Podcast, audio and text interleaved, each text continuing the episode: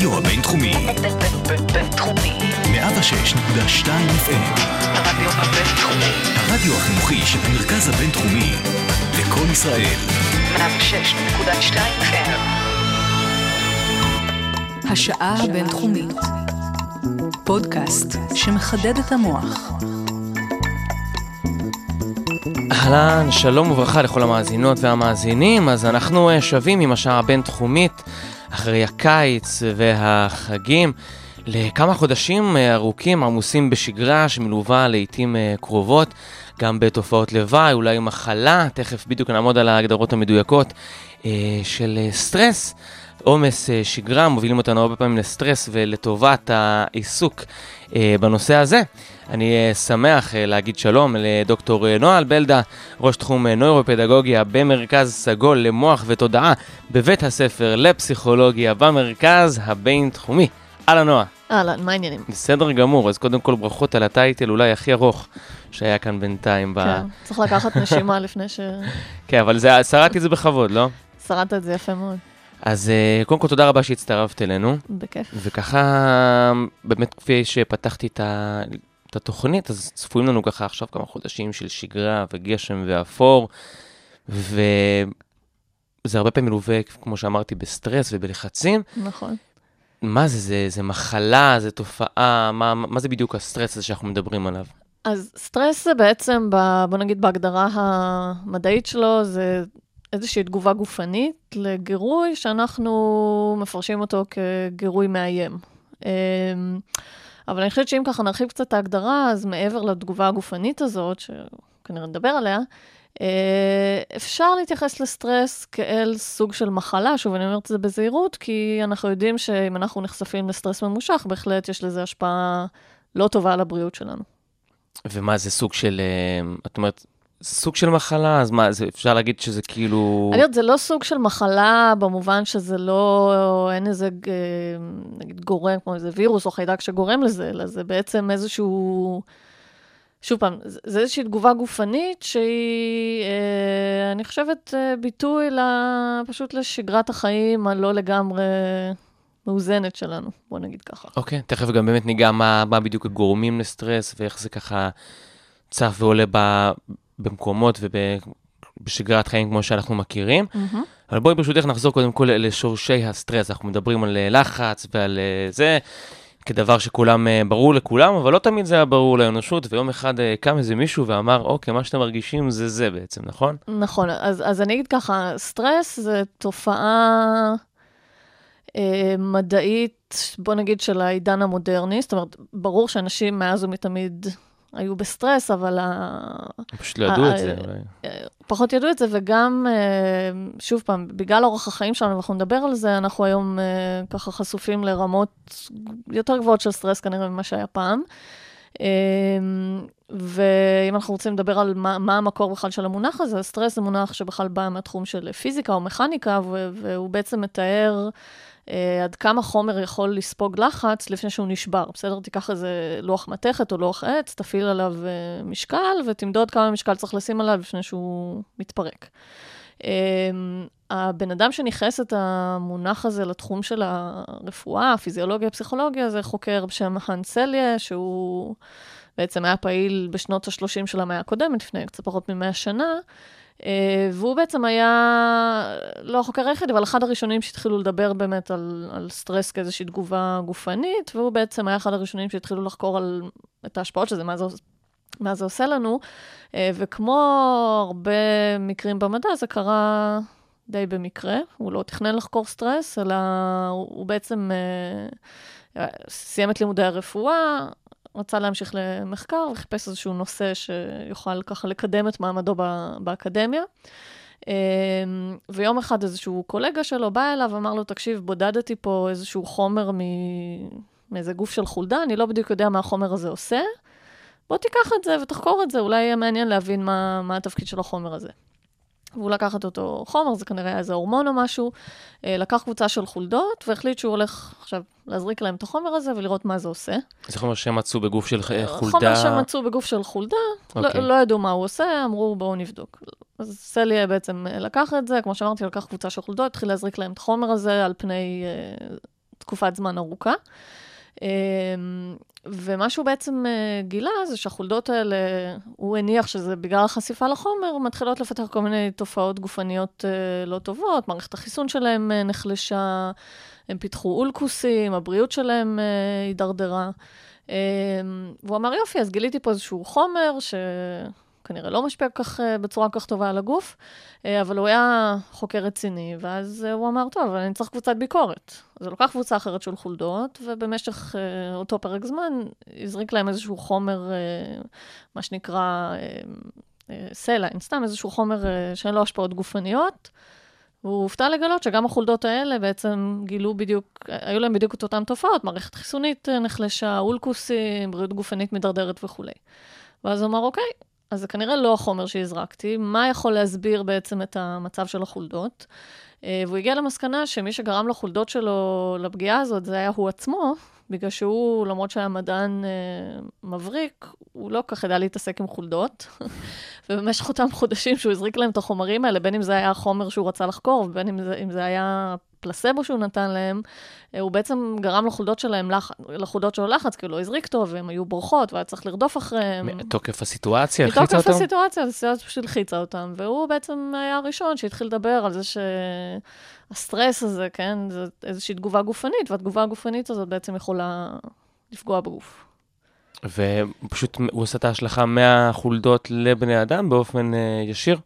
אז הוא בעיקר עבד עם חולדות, ושוב פעם, הוא לא היה לבד בתחום, אחריו וגם לפניו היו עוד חוקרים שהתחילו להתעסק עם הנושא הזה, וכמובן שבסופו של דבר כשאנחנו חוקרים, המטרה שלנו היא לא לאסוף ידע על חולדות, אלא בסופו של דבר להגיע גם לבני אדם, וכן, אלה היו הממצאים הראשונים, ולאט לאט התחילו להרחיב את זה גם לבעלי חיים אחרים, לבני אדם וכולי. והתיאוריה שלו הייתה מורכבת משני רעיונות אה, עיקריים, אם אני לא טועה? הוא, אה, הוא, הוא בעצם אה, אה, פיתח איזשהו מודל דווקא של אה, שלושה שלבים, ש, שהמטרה שלו הייתה בעצם לאפיין מה קורה בגוף שלנו כשאנחנו נחשפים לאיזשהו מצב של סטרס. דרך אגב, אני לא אמרתי, אבל אחרי זה הוא גם לקח את החולדות שלו וגרם להם בכוונה לסטרס. הוא למשל היה לוקח אותם, שם אותם בכלוב ומשאיר אותם על הגג בחורף אה, כדי שיהיה להם קר, או שם אותם במרתף ליד ה... שם תנור הסקה כדי שיהיה להם חם, זאת אומרת, בשביל להראות שבאמת מה שגרם לתופעות זה הסטרס, אז הוא בכוונה הכניס אותם לסטרס והראה שזה, שזה באמת uh, פוגע בהן. אז הוא דיבר בעצם על uh, מודל שמורכב משלושה שלבים, כשהשלב הראשון זה בעצם מה שהוא קרא לו שלב ההתראה, שזה השלב שבו החיה, או לצורך העניין הבן אדם, מזהה שיש איזשהו גירוי מאיים. השלב השני זה שלב שהוא קרא לו שלב ההתנגדות, שזה בעצם השלב שבו הגוף מנסה אה, להתמודד עם אותו אה, גורם מאיים. Uh, והשלב השלישי זה בעצם שלב שהוא קרא לו שלב התשישות. ומה שהוא חשב שקורה בשלב הזה, זה בעצם השלב שבו אנחנו מתחילים לראות את הפגיעה הגופנית כתוצאה מהסטרס. ומה שהוא חשב שקורה בשלב הזה, זה שהגוף בעצם uh, מתרוקן ממשאבים שמאפשרים לו להתמודד עם, ה... עם הסיטואציה. רגע, okay, וכשאנחנו מדברים על שלושת השלבים האלה, אז השאלה, הסטרס מופיע בעצם בשלב השני. כאילו, אני מזהה סיטואציה, ואז אני עומד בפני מגוון אופציות של איך אני מתמודד איתם, ואז בשלב השני, שהגדרת אותו כהתנגדות, כן. אז בעצם נוצר התגובה שלי של סטרס? זהו, אז, אז צריך להגיד שהיום המונח סטרס הוא כבר קצת מעורבב, כי שוב פעם, ב, כאילו במובן הכי טהור שלו, הסטרס זה, זה תגובה גופנית שנוצרת בתגובה לאיום, אבל היום כשאנחנו מדברים, אנחנו מדברים על סטרס גם כעל התפיסה הפסיכולוגית שלי, של מה שקורה לי. אמ, ואנחנו מדברים גם על מה שנקרא סטרסורים. מה זה סטרסורים? סטרסורים זה גירויים שגורמים לי לסטרס. אוקיי. Okay. אוקיי? Okay? Um, הוא בעצם, כשהוא דיבר על הסטרס, הוא התייחס לסטרס בתור התגובה הגופנית שאמורה לעזור לי להתמודד, זאת אומרת, זה השלב השני במודל שלו, השלב של ההתנגדות. השלב הראשון זה השלב היותר, בוא נגיד, אה, קוגנטיבי, שבו אני אה, מגלה איזשהו גירוי בסביבה, ומבחינה קוגנטיבית מבינה או מפרשת אותו כמשהו ש... כמשהו שמאיים עליי. אז בשביל להבין שוב את ההגדרות שלנו, אנחנו בעצם מדברים על, על, על זה לא הסטרס שאנחנו מגדירים היום שהוא תגובה באופן חד משמעי של לחץ, אלא הוא בעצם מגדיר את זה ככל תגובה אה, לאיום, למשהו שמאיים עלינו, אנחנו מגיבים בצורה מסוימת וזה מוגדר כסטרס. היום אנחנו כבר מפרשים את זה כתגובה של לחץ ושל... אה, לא, לא, זה, גם הוא בזמנו היה מאוד מאוד ברור ששוב פעם, תגובת הסטרס היא התגובה הגופנית, שהמטרה שלה היא לעזור לנו להתמודד עם איזשהו מצב מאיים. וגם היום אנחנו מתייחסים לזה, אבל היום כשבן אדם אומר שהוא בסטרס, הוא הרבה פעמים לא מתייחס לתגובה הגופנית שלו, הוא מתייחס למצב הפסיכולוגי שהוא, אה, שהוא והגד... נמצא בו. וההגדרה שהוא דיבר עליה זה הגדרה אה, פיזית כשהוא בעצם. דיבר על סטרס, הוא בעצם, שוב, תזכור שהוא בא מתחום הרפואה, הוא דיבר בעצם על מצב גופני, על מה קורה בתוך הגוף כשאנחנו נתקלים באותו מצב מאיים. ואיפה מבחינת המחקר או התודעה עבר השלב מה... מההבנה הפיזית להבנה גם הפסיכולוגית והנפשית של הסטרס? אה, אני חושבת שזה קרה די מהר. זאת אומרת, זה, זה מאוד מאוד ברור שכשאנחנו בסטרס גופני, הדבר הזה גם מן הסתם מנוהל ומשפיע על המוח, אז זה מלווה גם באיזושהי תחושה פסיכולוגית לא נעימה. זה כמובן מתווך על ידי תהליכים קוגניטיביים, כי אתה בראש ובראשונה צריך להבין שיש פה איום, צריך להבין שאתה בסכנת חיים. ו- ובעצם איזה... מדוע שבעצם הגוף שלנו יבחר אה, אה, דווקא בתגובה הזאת, מס- מסך התגובות שיש לנו, מה, אה, ממה צריכה להיות מורכבת הסיטואציה שלפי הגוף שלנו יבחר באופן אוטומטי בתגובה הזאת בעצם? אז בוא נגיד, קודם כל המילה יבחר היא קצת בעייתית, כי זה משתמע מזה שהגוף שלנו יש לו איזושהי, אה, זה לא נכון? איזושהי תודעה. אז אם כבר, אם מישהו בוחר זה כבר המוח. אמ, ושוב פעם, העניין פה, כשאנחנו מדברים היום על סטרס, בואו ניקח את זה יותר לחיים המודרניים, העניין פה הוא בעיקר התפיסה שלך את המצב. בסדר? יש המון המון גירויים שיכולים לעורר בנו סטרס. זה גם יכול להיות מאוד מאוד אינדיבידואלי. בן אדם אחד יתפוס מצב מסוים כמאיים, ובן אדם אחר מבחינתו המצב הזה הוא לחלוטין אה, ניטרלי. אבל שוב פעם, בשביל שתתעורר תגובת סטרס גופנית, צריך להיות בסיטואציה משהו שאני מפרשת אותו כ... אמ, אני אגיד, מצב של סכנה, מצב שמאיים להוציא אותי מאיזשהו איזון, מצב ש... אה, הרבה פעמים מצב שהוא לא מוכר, מצב שאני לא יודעת איך, אני, איך מתמודדים איתו. אמ, תגובת הסטרס עצמה, שוב פעם, מבחינת המנגנונים הפיזיולוגיים, היא תגובה די דומה גם אצל בני אדם וגם אצל בעלי חיים. שוב, העוצמה שלה יכולה קצת להשתנות, אבל היא תגובה די, אני לא רוצה להגיד קבועה, אבל היא תגובה די אה, הומוגנית. נגיד את. יכולה באמת לנסות אה, לפשט לאנשים שלא בקיאים במחקרי מוח, איך, מה, מה בדיוק התגובה שמתרחשת בגוף? כן, אז uh, כשאנחנו מדברים בעצם על uh, תגובת סטרס, אנחנו מדברים על מצב שבו uh, הגוף שלנו מפעיל מערכת עצבים שנקראת מערכת העצבים האוטונומית, וספציפית בתוך מערכת העצבים הזאת, uh, חלק שנקרא מערכת העצבים הסימפתטית, לא ניכנס כרגע ללמה קוראים לה סימפתטית. Uh, יש לנו אזור קטן, אבל מאוד מאוד חשוב במוח, שנקרא היפותלמוס, uh, והאזור הזה בעצם מחובר לאיברים בגוף, האיברים הפנימיים ובלוטות שמפרישות הורמונים. וברגע שהמוח שלי קולט שאני נמצאת במצב מאיים, הוא בעצם שולח מסרים חשמליים לתוך ההיפותלמוס. שזה החלק הקטן. שזה החלק הקטן. אבל חשוב. אבל חשוב אוקיי. בתוך המוח, כל החלקים במוח חשובים, אבל בהקשר של סטרס, ההיפותלמוס הוא באמת חלק מאוד מרכזי. אה, וברגע שההיפותלמוס מקבל בעצם את ה input העצבי הזה מהמוח, הוא מתחיל לשלוח מסרים עצביים לכיוון הגוף. והוא מחולל בעצם אה, שורה שלמה של תהליכים, וכל התהליכים האלה ביחד, אנחנו נקרא להם בעצם תגובת הסטרס. אז מה זה כולל? זה כולל למשל אה, להגביר הזרמת דם לשרירים, כי במצב של סטרס, אם אני בסכנה, אני צריכה להיות מסוגלת לברוח, או להילחם עם אה, מישהו שמאיים עליי, אז השרירים שלי צריכים להיות מוכנים לפעולה. מה שאנחנו מפרשים כאדרנלין אולי? אה, אדרנלין ה- זה, זה חלק אחר של התגובה, שתכף נגיע אליו, אוקיי. אבל, אבל גם האיברים עצמם מתחילים uh, לשנות את הפעילות שלהם, אז זרימת דם מוגברת לשרירים, הגוף מתחיל לפרק uh, uh, סוכרים בצורה מאוד מאוד מהירה בשביל להפיק אנרגיה זמינה שאפשר יהיה להשתמש בה. האישונים שלנו מתרחבים כדי שנוכל לראות יותר טוב. כמובן, הדופק עולה, לחץ הדם עולה וכולי. ואם הזכרת אדרנלין, בנוסף, בלוטה בגוף שלנו, שנקראת בלוטת האדרנל, מתחילה להפריש מה שנקרא הורמוני סטרס. שההורמונים האלה בעצם תומכים בכל השינויים הגופניים שמכניסים אותי לדריכות. ושני הורמוני הסטרס העיקריים שלנו זה, אחד זה אדרנלין, והשני הוא הורמון שנקרא קורטיזול. ותוך כמה זמן בעצם מהרגע שאנחנו מזהים את הסיטואציה, כל התהליכים האלה שתיארת, הגוף כאילו דרוך ומוכן ל... זה עניין מאוד מהיר. זה- פה חשוב להבין שתגובת הסטרס היא תגובה הישרדותית, ואם יש משהו שמאיים עליי, אין לי זמן עכשיו לשבת חצי שעה ולהתפלסף על מה זה אומר. אני צריכה להיות מוכנה מאוד מהר לפעולה. אז זה עניין של אה, שברירי שניות. אוקיי, okay, אז הזכרת עכשיו במילה שזה תגובה הישרדותית, ומיד אחרי השיר הראשון באמת ניגע קצת ביתרונות, או בחסרונות גם, שכאילו, החסרונות ברורים כמובן, אבל okay. גם ביתרונות של התגובה הזאת. אה, שיר ראשון שבחרת לתוכנית הוא של אה, דיוויד בוי. את רוצה לתת עליו איזה כמה מילים, איך הוא קשור ככה? Uh, אני חושבת שהשם שלו אומר הכל, שיר שנקרא Under Pressure. וכן, מדבר קצת על לחץ ואיך... מדבר בעד עצמו. מתמודדים איתו, כן. אוקיי. Okay.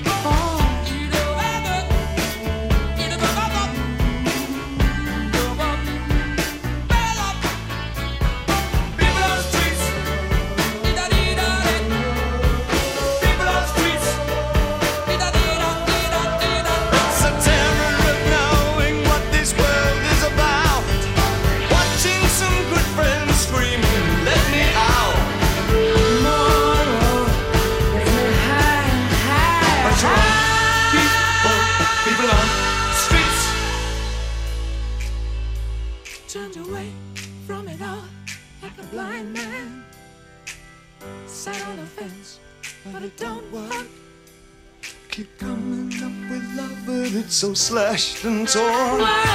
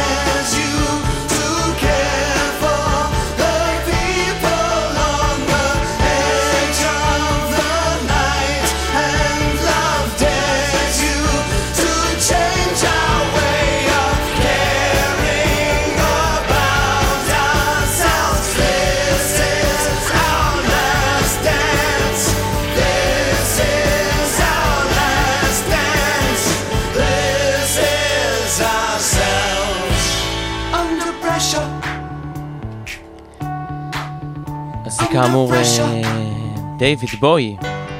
וקווין. אה, וקווין. קצת על אה, לחץ. אז לפני השיר, באמת ככה הסברת בכללי את התגובות הפיזיות ואת המקור לתופעה הזאת, לסטרס, ללחץ. ובאופן אוטומטי ככה, לפחות אצלי זה עושה איזושהי קונוטציה שלילית. אצל לא הרבה טוב להיות אנשים. לחוץ, כן. וככה זה משהו רע, ומעיד על אמ, חוסר קוליות מול החיים וכל זה. אבל בעצם זו תגובה הישרדותית חשובה, אמ, יש לה צדדים טובים והכרחיים. נכון, אז אנחנו נתחיל בקצת אה, להגן על הסטרס מפני השם הרע שיצא לו, כי באמת היום... מדברים הרבה על כמה סטרס זה לא טוב, ועל כמה חשוב אה, לעשות דברים שעוזרים לנו להפחית סטרס וכולי. אמ, אבל חשוב להבין ש... בלי תגובות סטרס אנחנו לא יכולים לשרוד, כי כמו שאמרנו, סטרס בעצם מכין אותנו ל... להתמודדות היעילה ביותר עם מצבים שהם מסכנים אותנו. אמ, ואנחנו יודעים שתגובות סטרס הן חיוניות, כי יש אה, כל מיני תסמונות שקיימות אצל בני אדם, שבהם בגלל איזושהי בעיה גופנית, לא ניכנס לזה כרגע, אבל בגלל איזושהי בעיה גופנית, הגוף לא מסוגל לייצר ולהפריש הורמוני סטרס. אז אנשים כאלה בעצם, אין להם תגובות סטרס, או תגובות הסטרס שלהם מאוד מאוד מאוד חלשות. ואנחנו יודעים שאנשים כאלה, כשהם עומדים במצבים אה, מסכני חיים, אה, יכולים למות פשוט מעצם העובדה שאין להם אה, תגובת סטרס תקינה, וגם ביום-יום שלהם, התפקוד שלהם הוא מאוד מאוד אה, ירוד. אז, אז כאמור, אה, תגובת הסטרס היא מאוד מאוד חשובה. אבל, ופה מגיע אבל, ומכאן אה, הסטרס קיבל את שמו השלילי, אה, תגובת סטרס צריכה להיות, אה, נגיד, אה, ממוקדת באירוע, אוקיי? זאת אומרת, אני נחשפתי עכשיו לאיזשהו גירוי שאני קולטת אותו כמאיים, נכנסתי לסטרס, הגוף שלי מתכונן להתמודד איתו. ברגע שהאירוע הזה נגמר, תגובת הסטרס אמורה לאט לאט להתפוגג, ואני אמורה לחזור למצב מאוזן. בהנחה שזה קורה, אז בדרך כלל לא נגרם איזשהו נזק ארוך טווח, ההפך, זה משפר את התפקוד שלי. הבעיה מתחילה כשהסטרס בעצם עובר ממצב שהוא ממוקד לאירוע מסוים, למצב שהוא הופך להיות מה שנקרא סטרס כרוני. שזה אומר שאני לתקופות מאוד מאוד ממושכות נמצאת ברמות אה, גבוהות מדי של סטרס, שלא יורדות, ואז בעצם אה, אנחנו מתחילים לראות את הפגיעה, והפגיעה יכולה להיות בהמון המון מישורים, גם ברמה הגופנית, גם ברמה הפסיכולוגית, ברמה המוחית. אה, וחשוב פה לציין שאנחנו יודעים היום שאנחנו כבני אדם מאוד מאוד פגיעים להשפעות האלה של, אה, של סטרס כרוני, יותר מבעלי חיים אחרים. אנחנו תכ, תכף ניגע בהם, רק ברשותך נתעכב אה, עוד על הנקודה שאמרת כרגע, שהסטרס, החשיבות שלו היא כלפי אירועים ספציפיים. אז נכון. איזה אירועים באמת, בוא נאמר, שווים להיכנס, שש- שווים להיכנס לסטרס, ואיזה אירועים עדיף מראש להימנע מהתגובה הזאת? תראה, זו שאלה שקצת קשה לענות עליה, כי שוב פעם, אמר, הפרשנות שלנו של גירוי, עד כמה הוא מסכן אותי או לא, היא, היא נורא נורא סובייקטיבית. יש את המצבים הנורא נורא ברורים, אתה הולך ברחוב ומישהו פתאום אה, שולף סכין ומתחיל לרדוף אחריך. ראוי אה, שתילחץ. ראוי שהגוף שלך ייכנס למצב של סטרס, כדי שתוכל לרוץ כמה שיותר מהר ו, אה, ולהציל את החיים שלך. אה, שוב פעם, העניין פה הוא לא להגיד, פה כן צריך סטרס ופה לא צריך סטרס, אלא העניין הוא להגיד, כשהסטרס מתעורר, כמה זמן הוא נמשך, כמה בתכיפות אני נכנסת לסטרס, זאת אומרת, האם עשר פעמים ביום אה, מערכות הסטרס שלי נדלקות, או שזה משהו שקורה לי רק פעם בכמה שבועות, אז יש פה קצת עניין של אה, מינון ואיזון. זה גם לא תמיד משהו שהוא לחלוטין בשליטתנו. זה משהו שאפשר אבל תמיד לזהות?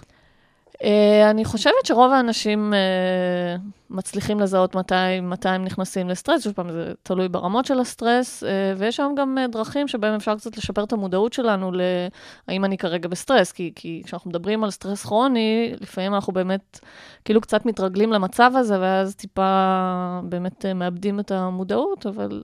איזה כלים, איך באמת אפשר? אולי תתני איזה סט כלים קטן למאזין אה, אה, הנחוץ? קודם כל, להכיר את עצמך ולהכיר את הגוף שלך, כי אמרנו במהות, תגובת הסטרס היא תגובה גופנית. אז אם אתה שם לב שבסיטואציה מסוימת, פתאום אתה מרגיש שהשרירים שלך מתכווצים, שהבטן שלך מתחילה, מה שנקרא, קצת אה, להתהפך, שאתה נהיה כולך דרוך, שפתאום יש לך איזושהי תחושה לא נעימה.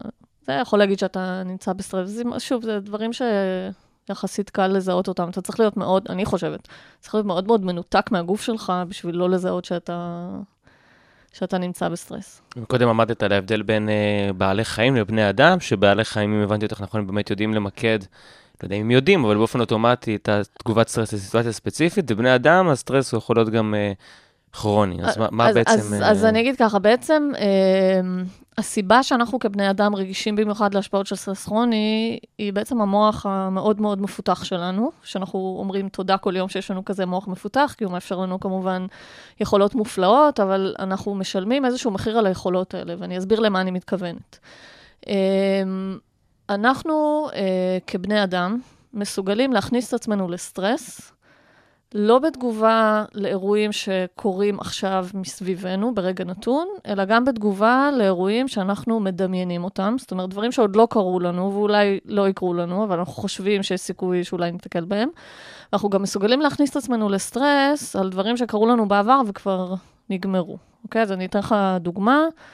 אה, זו דוגמה שאני בטוחה שהרבה אנשים יכולים להזדהות איתה. אתה יוצא לחופש, בסדר? חזרנו עכשיו מסוכות, הרבה אנשים היו בחופש, לא יודעת, נסעת לאיזה ריזורט מהמם בתאילנד, ואתה שוכב שם על אה, חוף ים לבן עם אה, בננה לוטי ומיץ קוקוס.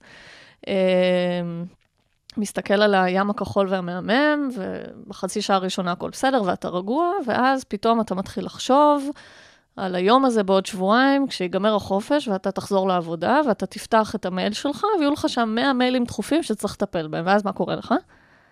אתה נלחץ. אתה מתחיל להילחץ. על החוף בתאילנד. כן, אז אולי לא כולם, יש אנשים שיודעים לווסת את עצמם יותר טוב, אבל הרבה אנשים פתאום יתחילו להילחץ, אוקיי? עכשיו, מה בעצם קרה פה?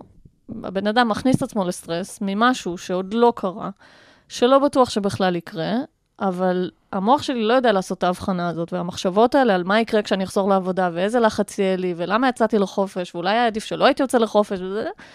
מבחינת המוח שלי, זה מצב של סטרס, ואם זה מצב של סטרס, צריך לעורר את הגוף, ואז אתה מתחיל להילחץ, בלי סיבה אמיתית, אוקיי?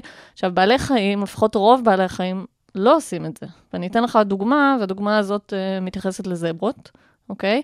תדמיין זברה שעומדת איפשהו בסוואנה באפריקה, עדר של זברות שעומדות בסוואנה באפריקה ומלחכות להן את העשב.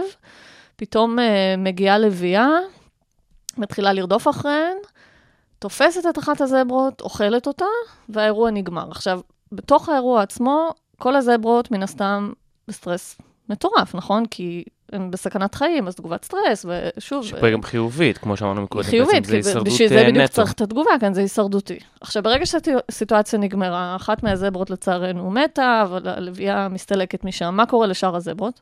חוזרות ל chill. מורידות את הראש, ממשיכות לאכול, וכאילו לא קרה כלום. ואם אתה תמדוד אותם, אתה תראה שמאוד מהר המדדים הגופניים שלהם חוזרים לאיזשהו מצב מאוזן. עכשיו, תחשוב שזה היה קורה לנו כבני אדם. נגיד שהייתה עומדת שם חבורה של בני אדם, הייתה מגיעה איזה לביאה, תופסת אחד מהאנשים, הורגת אותו ולוקחת אותו לאכול. כולם אנחנו לא חוזרים היינו, לא הביתה. היינו ל- יכולים אה, אחרי עשר דקות לחזור הביתה ולהגיד, "טוב, נו בסדר, אז משה הלך, אין מה לעשות, אבל אנחנו נמשיך בחיים שלנו, נכון? אנחנו היינו ממשיכים לדוש בזה, והיכולת שלנו אה, לדוש בזה מבחינה מחשבתית, היא זאת שהופכת אותנו באמת ל... לרגישים. אפילו שבאיזשהו מובן, אבל יש לה, לבני אדם את המנגנון הכחשה, זה פשוט אולי קצת יותר רחב. זאת אומרת, אנחנו כן, אולי אנחנו לא עומדים בחוץ ואנשים נרצחים מול הפנים שלנו, ואנחנו ככה אדישים לזה, אבל יש... כן, אז מנגנון של נתתי אדישות פה- לסבל נתתי- אנושי. נתתי פה באמת איזושהי סתם ככה דוגמה קיצונית, אבל אה, כמו שאמרתי, אנחנו מסוגלים להכניס את עצמנו לסטרס גם בגלל מחשבות, ולא רק בגלל אירועים אמיתיים שקורים לנו.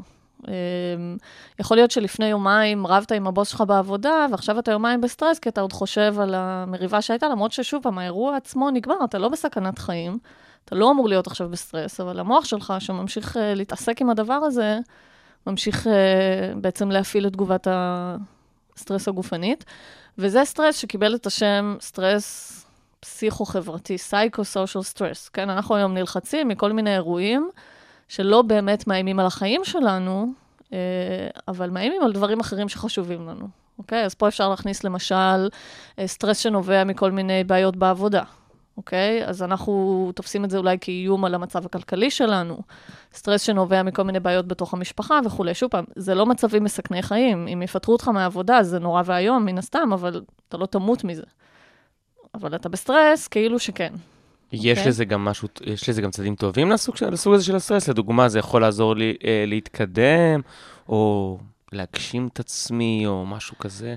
אז שוב פעם, זה, זה קשה פה קצת כאילו לחלק את זה בצורה נורא ברורה לטוב או רע, כי בסופו של דבר השאלה איך אתה מתמודד עם זה. אם פיטרו אותך מהעבודה ואתה עכשיו בסטרס, אבל אתה אומר, אוקיי, אז יש לי פה איזושהי הזדמנות לנצל את המצב הזה, ללכת למצוא עבודה חדשה יותר טובה, או להגשים, פתאום ללכת ולפתח איזו קריירה חדשה בתחום שמעניין אותי, מעולה, אבל זה כבר לא קשור לסטרס, זה קשור לעובדה שאתה התמודדת איתו בצורה מוצלחת.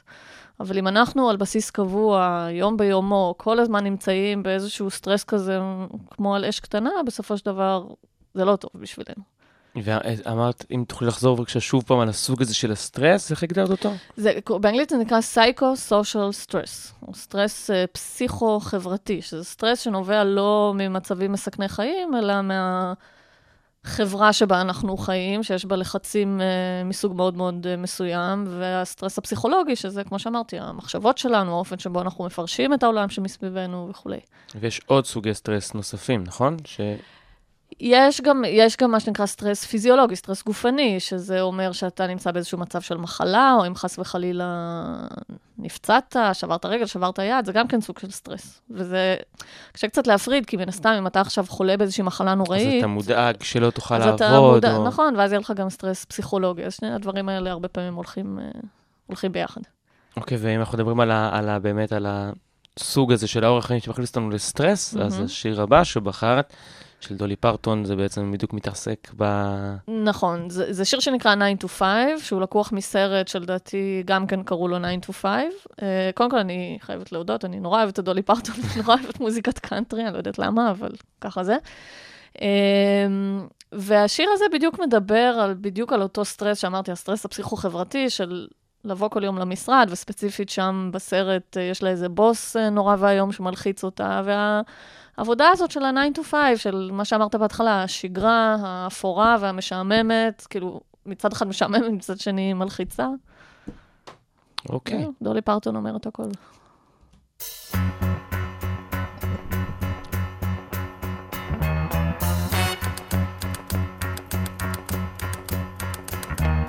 Tumble out of bed and I stumble to the kitchen. Pour myself a cup of ambition and yawn and stretch and try to come to life. Jump in the shower and the blood starts pumping. Out on the streets, the traffic starts jumping with folks like me on the job from nine to five. Working nine to five.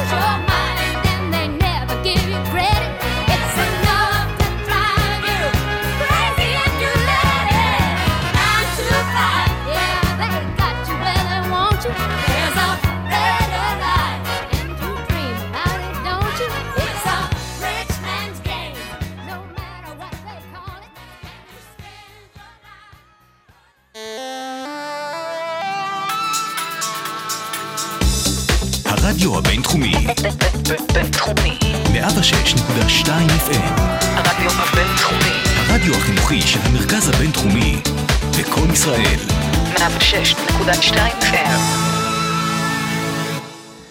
אז אה, דיברנו קצת באמת על הסטרס הכרוני, כפי שהגדרת אותו, שהוא נפוץ אצל בני אדם, והחיות אה, ניצלו ממנו.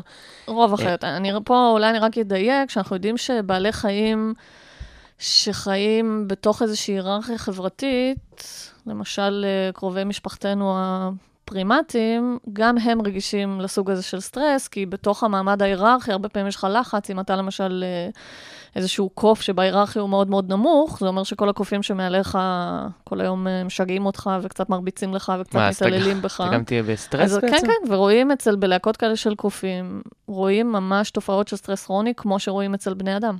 מה, דיכאונות ונשירת שיער? ו- אה, אתה יכול לראות התנהגויות, אנחנו מפרשים את זה כדיכאון, וכן, התנהגויות שנראות כמו דיכאון, אתה יכול לראות שהקופים האלה רגישים למחלות שגם בבני אדם הן מחלות שקשורות לסטרס, שזה כל מיני בעיות לב, בעיות מטבוליות, סכרת, לחץ דם גבוה, כן, ממש ככה.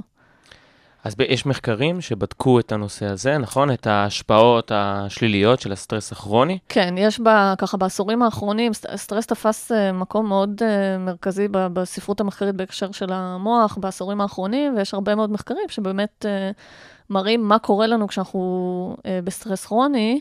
ופה יש עוד משהו שלא אמרתי קודם, אבל חשוב שאני אגיד, כשהגוף שלנו נמצא במצב של סטרס, אז יש מערכות שעובדות בצורה מאוד מאוד חזקה. אמרנו, כל המערכות האלה שאנחנו צריכים אותן בשביל להתמודד עם המצב של הסטרס. ויש מערכות אחרות שנכנסות לאיזשהו מצב של אה, דיכוי. המערכות האלה נחשבות למערכות שהן פחות חיוניות בשביל ההתמודדות עם הסטרסור, ולכן המערכות האלה בעצם אה, עובדות הרבה פחות. כמו איזה, איזה מערכות לדוגמה? אז למשל, אחת המערכות הבולטות שחקרו אותה בהקשר של סטרס זה מערכת החיסון. אז אנחנו יודעים שבמצבים של סטרס אקוטי, סטרס אקוטי זה אותו סטרס קצר טווח, שהוא ממוקד באמת לאיזשהו אירוע מסכן חיים, דווקא יכול להגביר את הפעילות של מערכת החיסון, כדי, שוב, לעזור לגוף להתמודד עם איזושהי פציעה או משהו כזה. אבל אנחנו יודעים שלאורך זמן, כשאנחנו נמצאים בסטרס כרוני, אז לא כל מערכת החיסון, כי זו מערכת מאוד מורכבת, אבל חלקים מסוימים של מערכת החיסון פשוט מתחילים לאט-לאט להשתתק. וזה מסביר למה אנשים שנמצאים במצב של סטרס כרוני יותר פגיעים למחלות. רגע, אבל איך זה יכול להיות? אמרת בעצם שהמערכת החיסונית אה, מתגברת. בש... מתגברת שאנחנו מדברים על סטרס אקוטי, סטרס שהוא קצר מועד, אוקיי. אבל אם הסטרס הזה עכשיו מתחיל להימשך לאורך זמן, כי יש איזושהי דרישה over מהמערכת בעצם, וזה אז- זה, זה שוחק אותה? זה לא בהכרח אה, דרישת over מערכת, אלא חלקים מסוימים של מערכת החיסון, שלא נחשבים לחיוניים להתמודדות עם הסטרס הרגעי, פשוט אין טעם להשקיע בהם אנרגיה, כי אתה עכשיו צריך לרכז את כל המשאבים שלך בלהתמודד עם הסכנה. ואז... ואז ברגע שהסכנה היא תמידית כביכול, אז המערכת מתרגלת כביכול, ל... אם אתה חי במצב של סטרס כרוני, אתה כאילו כל הזמן במצב של, שוב, כאילו, סכנה תמידית, אז החלקים האלה של מערכת החיסון פשוט מאוד מאוד אה, אה, מפחיתים, את ה, מפחיתים את הפעילות שלהם. ויש איזושהי השפעה אה, בין הסטרס האקוטי לאחרון במובן של המערכות, אם אני בסטרס לאורך זמן, אז, ה, אז כשאני אקלע למקרה חירום, הגוף שלי יכול להיות שהוא יגיב פחות טוב, כי הוא כאילו, אה, לא... מבחינת זאב זאב כזה? לא, לא, לא, לא, לא בהכרח, לא.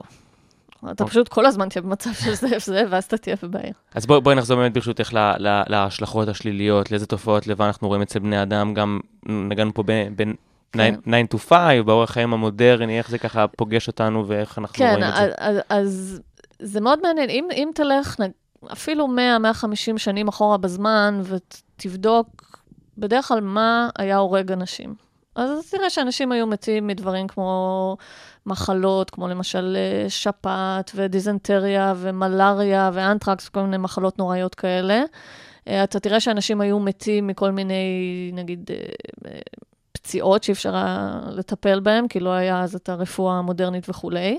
וכשאתה שואל את עצמך ממה אנשים מתים היום, אז כשאתה מסתכל מסביבך, אתה רואה שאנשים בדרך כלל מתים מדברים כמו התקפי לב ושבץ מוחי, והבריאות שלנו מידרדרת בגלל תופעות כמו סכרת ולחץ דם גבוה. וכל המחלות האלה שהזכרתי עכשיו, אלה בעצם מחלות שמקושרות לחשיפה לסטרס כרוני. אה, ולכן הסטרס הזה בעצם היום אה, בארצות הברית הוא קיבל את השם toxic stress, סטרס רעיל. כי אפשר לחשוב על זה כעל מצב שכאילו אתה, הסטרס לא הורג אותך מהר ובבת אחת, אלא זה כמו שלוקחים וכל יום מטפטפים לך ככה כמה טיפות רעל, ולאורך זמן זה הולך ומצטבר, ובסוף, בעוד איזה 50 שנה, אתה תמות מאיזושהי מחלה, שוב, כמו התקף לב או שבץ מוחי, שזה בעצם הביטוי של כל השנים המצטברות האלה שהיית בסטרס. של, של טיפת אה, כן, סטרס של ביום. טיפת סטרס ביום. אז מה, בעצם הרפואה התקדמה, ואז אה, בני אדם זה קצת אה, מחלה של פריבילגים כזאת? כאילו, הכל מר- בסדר, אני בריא? לגמרי מחלה של פריבילגיה. קודם כל, אנחנו חיים היום הרבה יותר שנים ממה שחיו בעבר. אז, אז יש לנו את הפריבילגיה לחיות מספיק זמן בשביל למות ממחלות שקשורות לסטרס מצטבר. אז, אז קודם כל, צריך להגיד שמצבנו טוב, כן? אני מעדיפה למות בגיל 85 מהתקף לב, מאשר בגיל 40 משפעת. משפעת, כן? אבל עצם זה שאנחנו חיים יותר זמן, ועצם זה שאנחנו חיים היום בקצב מאוד מאוד מהיר, זה אומר שאנחנו צריכים, uh, צריכים להיות מודעים לזה, וצריכים אה, לנקוט באמצעים בשביל אה, לחיות טוב, לא רק לחיות. ואם בצחוק אנחנו אומרים שזו מחלה של פריבילגים, אז אפשר באמת לראות שמקומות אה, מבוססים יותר, מערביים יותר, אה, לכאורה מתקדמים יותר, יש בהם יותר תופעות של סטרס, כי זה יש פחות אה, הישרדות אה, קיומית במובן הפיזי. Um, אני לא יודעת להגיד לך בוודאות, אני פחות בקיאה במחקרים האלה, כי באמת צריך מחקרים uh, על אוכלוסיות גדולות, אבל אתה, אתה כן, שוב פעם, אתה בודק בגדול ממה אנשים מתים, אז אני, שוב, אני קצת מנחשת, אבל אני מניחה שאם אתה מסתכל באמת על חברות שפע, חברות מערביות, אתה תראה שהמחלות שלנו הן באמת מחלות של... Uh, מחלות שקשורות לאורח החיים המודרני והשופע, ופחות לתנאים סניטריים ירודים ורפואה שהיא לא מתקדמת מספיק וכולי. שבעניין של הסטרס זה בא באמת לידי ביטוי, אה, אמרת, התקף לב, או, או איזה, עוד, איזה עוד אלמנטים פיזיים אפשר להגיד שהם באופן מובהק תוצר של סטרס? אז שוב, קשה להגיד קצת באופן מובהק, אבל בוא נגיד סטטיסטית, הם קשורים אחד לשני, אז יש לך, שוב, התקפי לב, שבץ מוחי, כל ההפרעות המטבוליות, אה, סכרת, לחץ דם גבוה.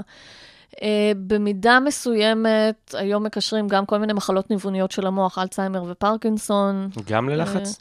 גם ללחץ, שוב, אני אומרת את זה בזהירות, זה לא הגורם היחיד, אני לא רוצה שאף אחד ישמע את התוכנית ויגיד, טוב, לחץ גורם לפרקינסון, לחץ גורם לאלצהיימר, לא. אבל סטטיסטית, מעלה את הסיכוי. ויש איזושהי דרך אה, להתמודד עם, ה, עם הסטרס הזה, או שכאילו, זה החיים, יש לחץ, 9 to 5, והבוס אה, קשוח? לא, אני, אני לא מאמינה בגישה הזאת של אלה החיים. אני, אני חושבת שאנחנו צריכים להיות פרואקטיביים, אה, ואנחנו צריכים, קודם כל, להבין, את, להבין מה זה בכלל סטרס ואיך זה משפיע עלינו. אה, שזה עניין אינדיבידואלי? אה, שוב פעם, זה עניין אינדיבידואלי במובן שאנשים שונים ייכנסו לסטרס ברמות שונות מסיטואציות שונות, אבל כולנו כבני אדם פגיעים לדבר הזה, ואצל כולנו יש תגובות סטרס. אה, להכיר את הדבר הזה, להיות מודעים אליו, אה, להבין שזה יכול להזיק, ובאמת אה, לפתח או לרכוש כל מיני כלים שעוזרים להתמודד בצורה יותר טובה. כמו מה, איזה כלים לדוגמה את יכולה... יש המון המון המון אה, אסטרטגיות שעוזרות לך להתמודד עם סטרס. אה, חלק מהן זה אסטרטגיות, אה, בוא נגיד, יותר פסיכולוגיות. למשל, אנחנו יודעים שעבור בני אדם, אחד המצבים הכי הכי מלחיצים זה, זה מצב של חוסר שליטה. כשאתה מרגיש שאין לך שליטה בדברים שקורים לך, זה סטרס מטורף. אז אתה לא תמיד יכול לשלוט במה שקורה לך, אבל uh, אתה יכול לעשות כל מיני דברים קטנים שיכולים לעזור לך להרגיש שיש לך תחושה של שליטה. אה, שהחוסר שליטה במה? בקריירה, בזוגיות? בכל דבר, שקורה, כלכלי. בכל דבר שקורה מסביבך. סליחה. אז זה גם קצת עניין של, אה, קצת עניין של פרשנות. אני אתן לך דוגמה קטנה מהחיים שלי, לא דוגמה של איזה סטרס מטורף, אבל אני למשל, לפני כמה שנים, התחלתי ללמד איזשהו קורס באשדוד. ואני בחיים שלי לא הייתי באשדוד, אה, לא הכרתי את העיר, ואם יש דבר שמלחיץ אותי, זה לאחר לשיעורים. זאת אומרת, הסיוט הכי נורא שלי, אם אתה רוצה לענות אותי, זה תגרום לי לאחר לשיעורים. גם לתוכניות ברדיו? גם לתוכנית ברדיו. אני בן אדם כי ששונא... הגעת בזמן, לאחר. אה, לא, היום בטוח הגעתי בזמן, אני בן אדם שתמיד... להגיע בזמן זה לאחר מבחינתי, אני תמיד מקדימה. האמת, בזה אני מזדהה איתך, אני גם ברגע שאני רואה שאני מתחיל לאחר וזה לא בשליטתי ואני בפקק או משהו, אני מאבד זה את זה. לחץ מטורף. אז ידעתי שאני אמורה להתחיל ללמד באשדוד, ידעתי שאני לא מכירה את העיר הזאת בכלל. אמרתי, יש לי עכשיו שתי אופציות. זה היה יום שישי. או שאני עכשיו יומיים בלחץ מזה שביום ראשון אני לא אמצא את הבית ספר ואני אאחר, או שאני עכשיו נוסעת לאשדוד, עושה שם אה, מה שנקרא סיור אה, איסוף יומיים לפני מודיעין, יומיים השיעור. לפני, בשביל לראות כמה זמן לוקח לי להגיע לשם ואיפה זה בדיוק נמצא. אז אני, בעולם הקטן שלי, אמרתי, פה יש לי אפשרות אה, קצת לשלוט בעניינים. נסעתי ביום שישי, ראיתי את העיר, הבנתי איפה נמצא הבית ספר, ואז... רמת הסטרס ירדה. כן, לא ביליתי את הסוף שבוע בסטרס, בזה שאני לא אמצא ואני אאחר. השיעור היה בתחילת השבוע בעצם? השיעור היה זה- בתחילת השבוע, כן. אז סתם, זו דוגמה קטנה. עכשיו, זה לא חוכמה להגיד את זה, כי אנחנו לא תמיד שולטים על מה שקורה לנו. אם חס וחלילה איזשהו קרוב משפחה שלך עכשיו, לא יודעת, נפצע או חולה באיזושהי מחלה נוראית, אתה לא שולט בזה, אין לך מה לעשות. אה, אבל במקרים שכן אפשר קצת לשלוט בעניינים, או לפחות לסגל לעצמך איזושהי תחושה של שליטה, אז חשוב לעשות את זה. עוד נושא שמאוד מאוד חשוב לעניין של ויסות סטרס, זה הנושא של אה, תמיכה חברתית. בעת- בעת הסטרס? גם בעת הסטרס וגם בכלל בחיים. אנחנו יודעים שאנשים שהם בודדים, אנשים שהמעגלים החברתיים שלהם יותר מצומצמים או פחות תומכים, הם אנשים שיותר פגיעים למחלות שקשורות לסטרס. ושוב פעם, זה לא תמיד בשליטתך, אתה לא תמיד שולט במי המשפחה שלך ומי החברים שלך, אבל בהחלט אה, תמיכה חברתית. אה, כל הנושא של פעילות גופנית, שכל מי שכבר שמע את התוכניות שלי בעבר יודע שאני חסידה של הדבר הזה, פעילות גופנית מאוד מאוד עוזרת להפחית סטרס. למה? Um, למה? כי כשאנחנו עושים פעילות גופנית, אז המוח שלנו מתחיל להפריש הרבה מאוד חומרים כימיים טובים שעוזרים לנו להירגע. הכל כימיקלים בסוף, אה? אין פה... אין פה... Uh, כן, חוקרת מוח בכל זאת. חוקרת מוח, אין מה לעשות. Um, אז הנושא של פעילות גופנית הוא מאוד מאוד חשוב. פה אני רק אחדד שגם פה זה צריך להיות במידה. ולמה אני אומרת את זה? כי פעילות גופנית מוגזמת היא בפני עצמה מצב של סטרס לגוף. מה זאת אומרת? זאת אומרת שכשאתה עושה פעילות גופנית שהיא מאוד מאוד עצימה, שוב, מה זה מאוד עצימה? זה קצת אינדיבידואלי, אבל אני די, אה, אפשר להסכים שאם אתה יוצא עכשיו לרוץ מרתון, הגוף שלך יימצא במצב של סטרס, כן? זה מאמץ מאוד מאוד, אה, מאוד מאוד משמעותי. אז, ודרך אגב, יש מחקרים מעניינים על זה בחולדות, שאם אתה, חולדות באופן כללי אוהבות לרוץ. אם, אם תגדל פעם חולדה בבית ותשים לה בתוך הכלוב גלגל ריצה, היא כל היום תהיה על הגלגל והיא תרוץ. אז אם אתה לוקח חולדות ואתה נותן להן לבחור מתי הן עושות פעילות גופנית, זאת אומרת, יש להן את הגלגל בכלוב, והן יכולות לבחור מתי כן לרוץ, מתי לא לרוץ, אתה רואה שהפעילות גופ... גופנית מפחיתה אצלם תגובות של סטרס. אבל, תיקח את אותן חולדות, תיתן להן לעשות פעילות גופנית למשך אותו זמן, אבל תכריח אותם, זאת אומרת, אין להם בחירה. אתה קובע, אתה לוקח ואתה בכוח שם אותם על הגלגל, נכנסות למצב של סטרס. אה, זאת אומרת, אם, החולדות, אם לא היית מתערב, החולדות אם האלה לא היו... היית מתערב, החולדה הייתה רצה מתי שבא לה, אתה, תראה, אתה היית רואה שהפעילות הגופנית עוזרת לה להפחית את התגובת סטרס, אה, שוב, מבחינה גופנית. אבל אם אתה תכריח אותה, זאת אומרת, אם- אם אתה תקבע בשבילה מתי היא רצה ומתי היא לא רצה, היא בעצם נכנסת למצב של סטרס. יש פה גם עניין של אה, חינוך, של תודעה, במובן של אם לצורך העניין הורגלתי לזה שהחיים אה, בחוץ, או איפה שזה לא יהיה מסוכנים, או התרגלתי לקריטריונים מסוימים של הצלחה, או דברים כאלה, זה גם משהו שעלול לאורך זמן בעצם... אה, כן, אז, אז פה באמת כבר נכנס הנושא הסובייקטיבי, וזה הפרשנות שלי, כן? זאת אומרת, האם אני גדלתי בבית שבו אם קיבלתי 80 במבחן בתנ"ך, אז בסדר, לא נורא, אז מבחן אחד קיבלתי 80, לא סוף העולם, או שגדלתי בבית שבו קיבלתי 80 במבחן בתנ"ך, זה סוף העולם, אני לא אצליח להתקבל לאוניברסיטה, נגמרו לי החיים. שוב פעם, זה בדיוק אותה סיטואציה, אבל האופן שבו אני מפרשת אותה יקבע אם אני נכנסת מזה לסטרס או לא.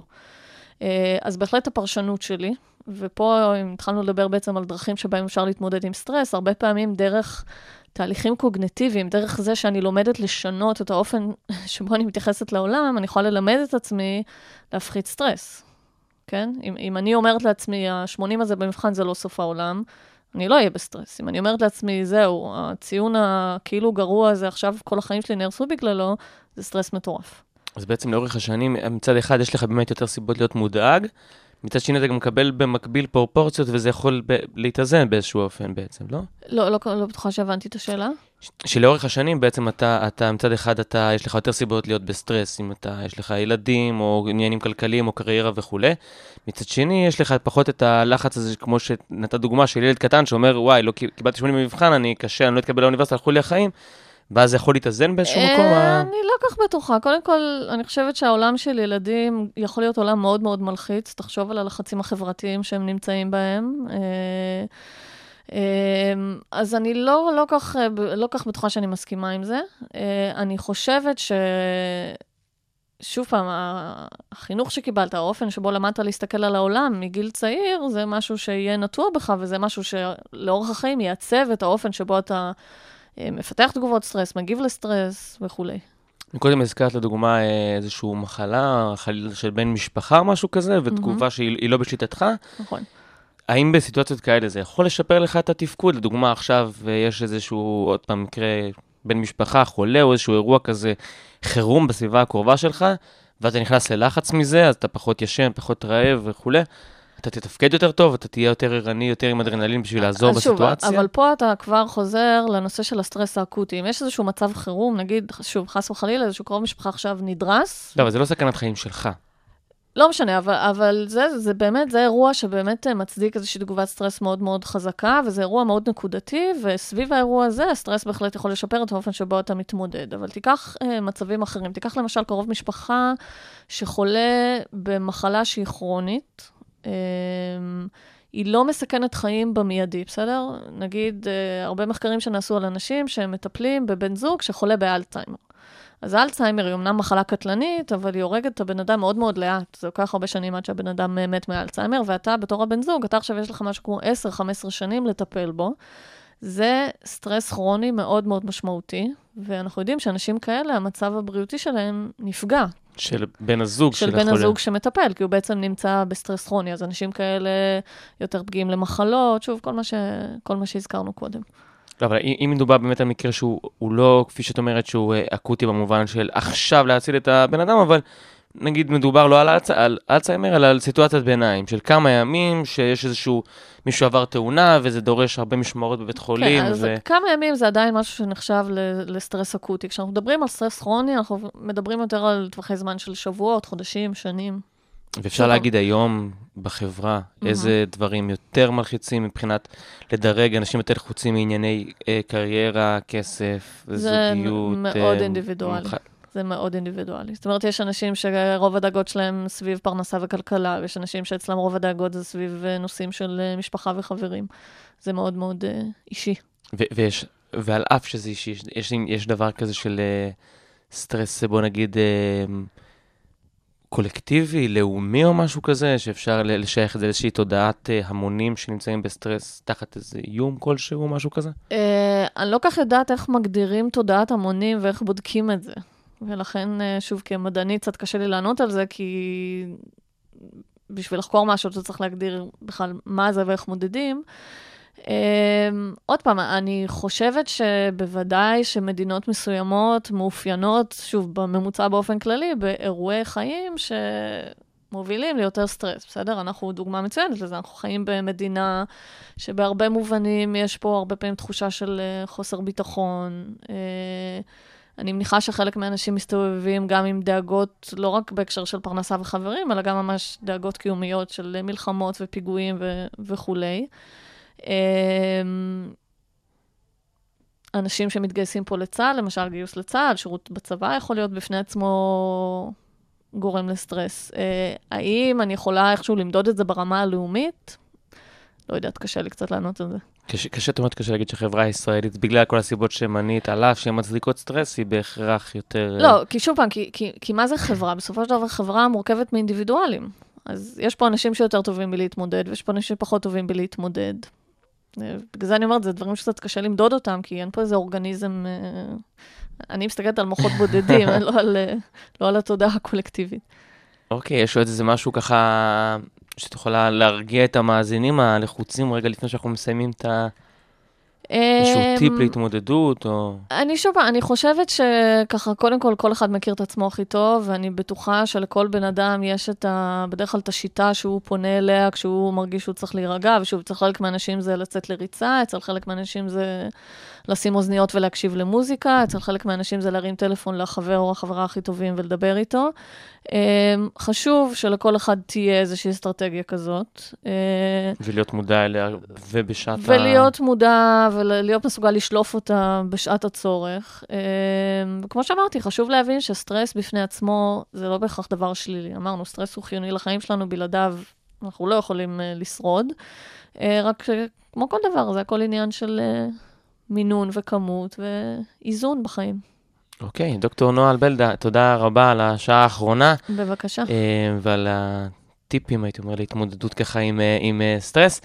אז אנחנו נסיים עם השיר האחרון שבחרת, שהוא שיר בעברית של משינה.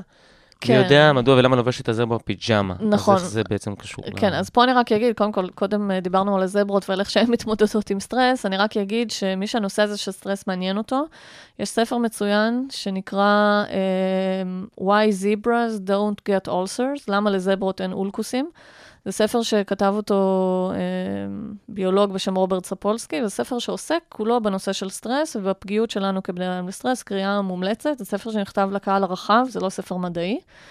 אה, ולכבוד אה, רוברט ספולסקי וספרו על סטרס ועל זברות, אנחנו נשמע את אה, משינה. יאללה. מי יודע מדוע ולמה לובשת הזברה פיג'מה כי בבוקר יום א', הזברה קמה, פשטה את הפיג'מה, לבשה מן הסתם מכנסיים וחולצה, אך מיד